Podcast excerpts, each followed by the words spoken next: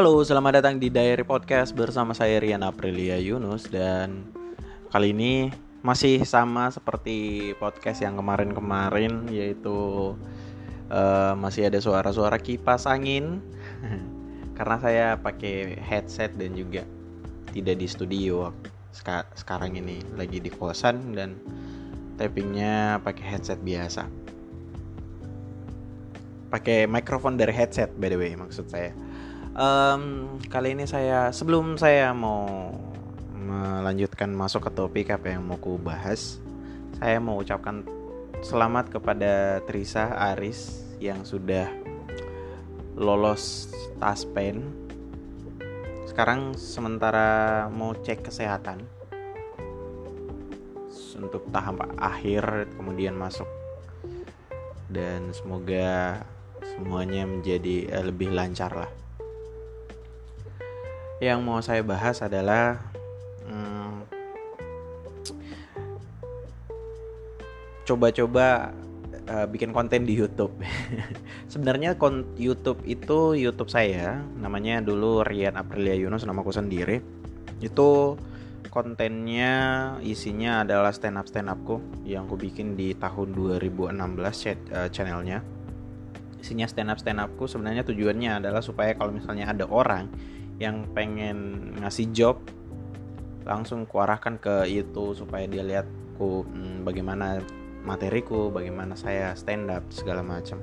Tapi makin ke sini makin tertarik ya sama uh, Facebook, eh Facebook lagi, sama YouTube karena beberapa orang yang saya kenal sudah berpenghasilan di YouTube dan juga saya juga sering nonton YouTube. Awalnya saya pikir uh, bikin uh, YouTube videoku, bikin videoku di YouTube itu tentang stand up itu akan cepat naik. Tapi ternyata uh, viewers paling banyaknya selama upload uh, video tentang stand up itu di YouTube uh, viewsnya paling banyak 500 orang. Itu 500 tok. Masalahnya di mana? Masalahnya uh, selain daripada audio, masalahnya juga ada di pengambilan gambar karena kebanyakan video itu adalah diambil dari handphone. Jadi kualitasnya kurang bagus. Terus karena saya tidak punya banyak uang untuk membeli kamera dan juga tidak setiap saat saya bisa bawa kamera ketika ada job uh, akhirnya saya memutuskan untuk menggunakan hal yang paling bisa saya jual untuk saat ini dan tidak perlu banyak biaya yaitu suara. Karena dari masa kuliah saya sering ngisi uh, voice over adlibs dan segala macam di di UKM Radio Kampus. Sekarang juga banyak panggilan-panggilan VO masih tidak banyak sih. Ada beberapa panggilan VO yang menurutku ya kayaknya menjual di suaraku. Jadi akhirnya saya membuat konten voice over tentang eh, mirip-mirip sama M. Sama calon sarjana sama si seterang karena waktu itu saya lagi sering-seringnya nonton video konten tentang itu seperti itu jenisnya. Jadi akhirnya saya bikin dan ternyata viewsnya juga tidak terlalu banyak. Sebenarnya kalau kalau saya konsisten untuk bikin itu viewsnya akan mungkin akan bertumbuh. Subscribernya juga mungkin akan bertumbuh. Tapi uh, karena saya orangnya tidak sabaran mau hasilnya lebih kelihatan. Hmm, meskipun tidak saya suka prosesnya tapi saya mau lihat reaksi ya itu saya mau lihat reaksi dari penonton tapi ternyata di video itu tidak terlalu banyak reaksi tidak banyak viewsnya. Meskipun baru dua video yang saya upload itu juga salahku nah kemudian setelah itu saya akhirnya lagi waktu itu lagi sering-sering nonton alur cerita recap film. Sehingga saya juga tertarik salah satu yang bikin saya tertarik adalah IQ 7 yaitu akunnya kayaknya channelnya baru setahun dua tahunan. 2018 kalau kalau nggak salah dia bikin. Itu sekarang subscribernya sudah satu juta dia rekap film. Pas kulihat-lihat itu dulu dia awalnya cuma bikin ini uh, sama kayak video-video lamaku yang kayak sisi terang tujuh. Hal yang harus kamu ketahui bagaimana menurut kamu fakta-fakta uh, uh, ilmiah tentang seperti itu. Tapi lama kelamaan akhirnya dia juga bikin IQ7 bikin video rekap film. Itu bikin viewsnya tambah naik dan kayaknya IQ7 adalah konten rangkum film spoiler konten yang paling banyak viewsnya. Biasanya tembus sampai 1 sampai 1 juta sampai 2 juta. Nah itulah yang bikin saya tertarik. Akhirnya saya coba. Hmm, karena itu tadi kelemahan saya adalah di video. Saya tidak punya kamera yang bagus. Terus muka saya juga tidak terlalu menjual. Saya akhirnya bikin uh, spoiler konten video pertama saya spoiler konten itu saya rangkum filmnya Paradox. Oh ya sebelumnya dari dari akun eh, akun lagi dari channel Rian Aprilia Yunus akhirnya saya ganti namanya dari jadi di balik kacamata. Di balik kacamata itu akhirnya saya bikin video tentang uh, fakta-fakta ilmiah itu videonya masih bisa dinonton sampai sekarang itu tentang bagaimana kalau misalnya manusia bisa di Tensei ya bagaimana Tensei apa? Gimana kalau Tensei ada di dunia nyata masih ada di videoku nama channelnya itu di balik kacamata. Tapi tidak banyak viewsnya. Akhirnya saya bikin itu uh, spoiler konten. Dan lumayan penontonnya ada dua video waktu itu karena spoiler kontennya itu cukup panjang. Saya bikinnya 30 menitan dari film yang durasinya 2 jam. Jadi saya bagi dua ada part 1 part 2 dan lumayan viewsnya. Views itu bikin kak kaget karena dalam satu minggu sudah tembus sampai 5000 penonton. Makanya saya semangat sekali untuk bikin video itu. Tapi ternyata setelah saya mau bikin untuk selanjutnya itu dibenturkan dengan kesibukan-kesibukan yang sebenarnya bisa saya sembari membuat video itu tapi kayaknya masih bermasalah sama uh, manajemen waktu.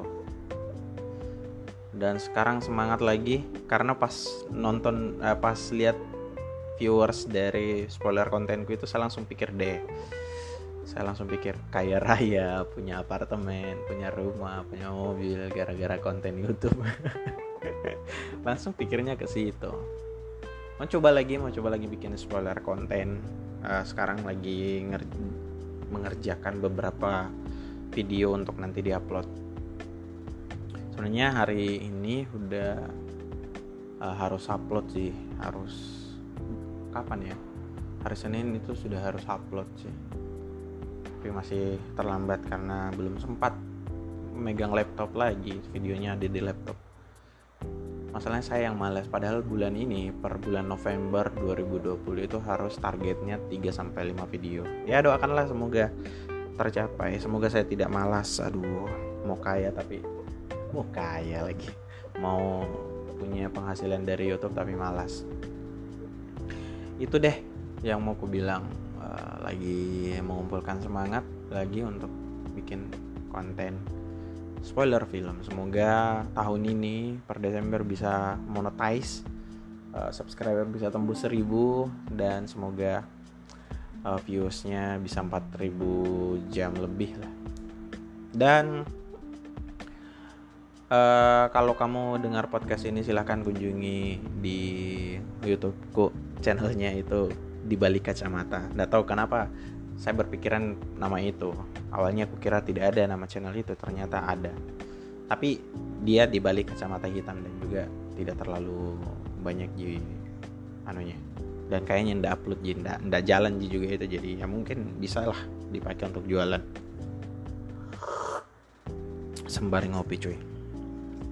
Apalagi sekarang corona tidak banyak job-job stand up ya pilihannya adalah itu. Sekarang juga saya sembari mengerjakan itu lagi training atau magang istilahnya di Madama Radio. Semoga lancar dan sementara pengen ngurus berkas untuk daftar di TVRI semoga dilancarkan juga. Oke teman-teman sekali lagi terima kasih untuk 9 menit lebihnya sudah mendengarkan podcast ini kayaknya podcast ini tidak berbobot sama sekali tapi tidak apa-apalah. Oke sekali lagi saya ucapkan terima kasih dan selamat untuk Teresa karena kayaknya kau yang non dengar kini seorang diri.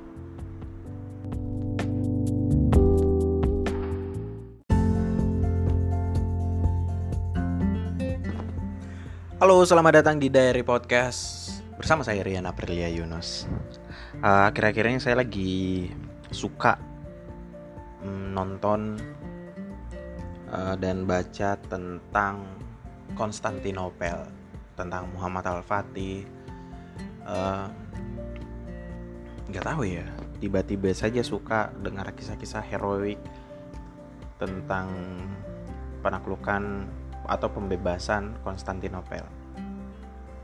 Jadi ceritanya itu Konstantinopel itu ceritanya adalah hmm, kota yang dilindungi sama perlindungan yang sangat kuat di eranya.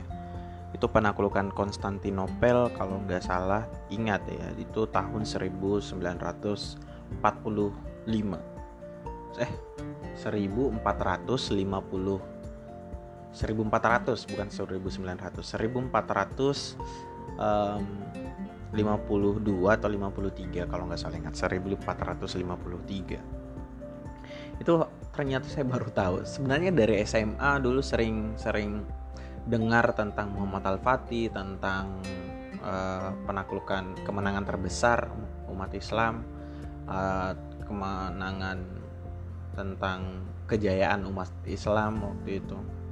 Tapi tidak sampai nonton dan tidak sampai baca secara serius. Dan akhirnya beberapa waktu yang lalu saya nonton YouTube uh, kontennya itu yang bawakan adalah bukan bukan channel YouTube-nya Felix Xiao tapi dia yang bawakan itu dia sama Ahmad Dhani sedang diskusi sedang ngobrol sama Al Eldul dan beberapa orang lain. Akhirnya saya suka sama kisah itu. Saya tertarik untuk cari lebih lebih banyak lagi.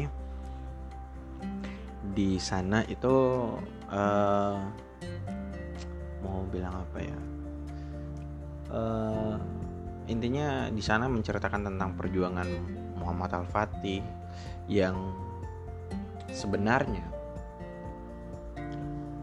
uh, waktu itu Muhammad Al Fatih sudah hampir gagal. Tapi dia mencoba melakukan apa yang tidak sampai sekarang sampai sekarang mungkin tidak ada yang pernah melakukan itu. Tidak ada yang pernah bikin. Jadi tembok itu kan sangat kuat ya.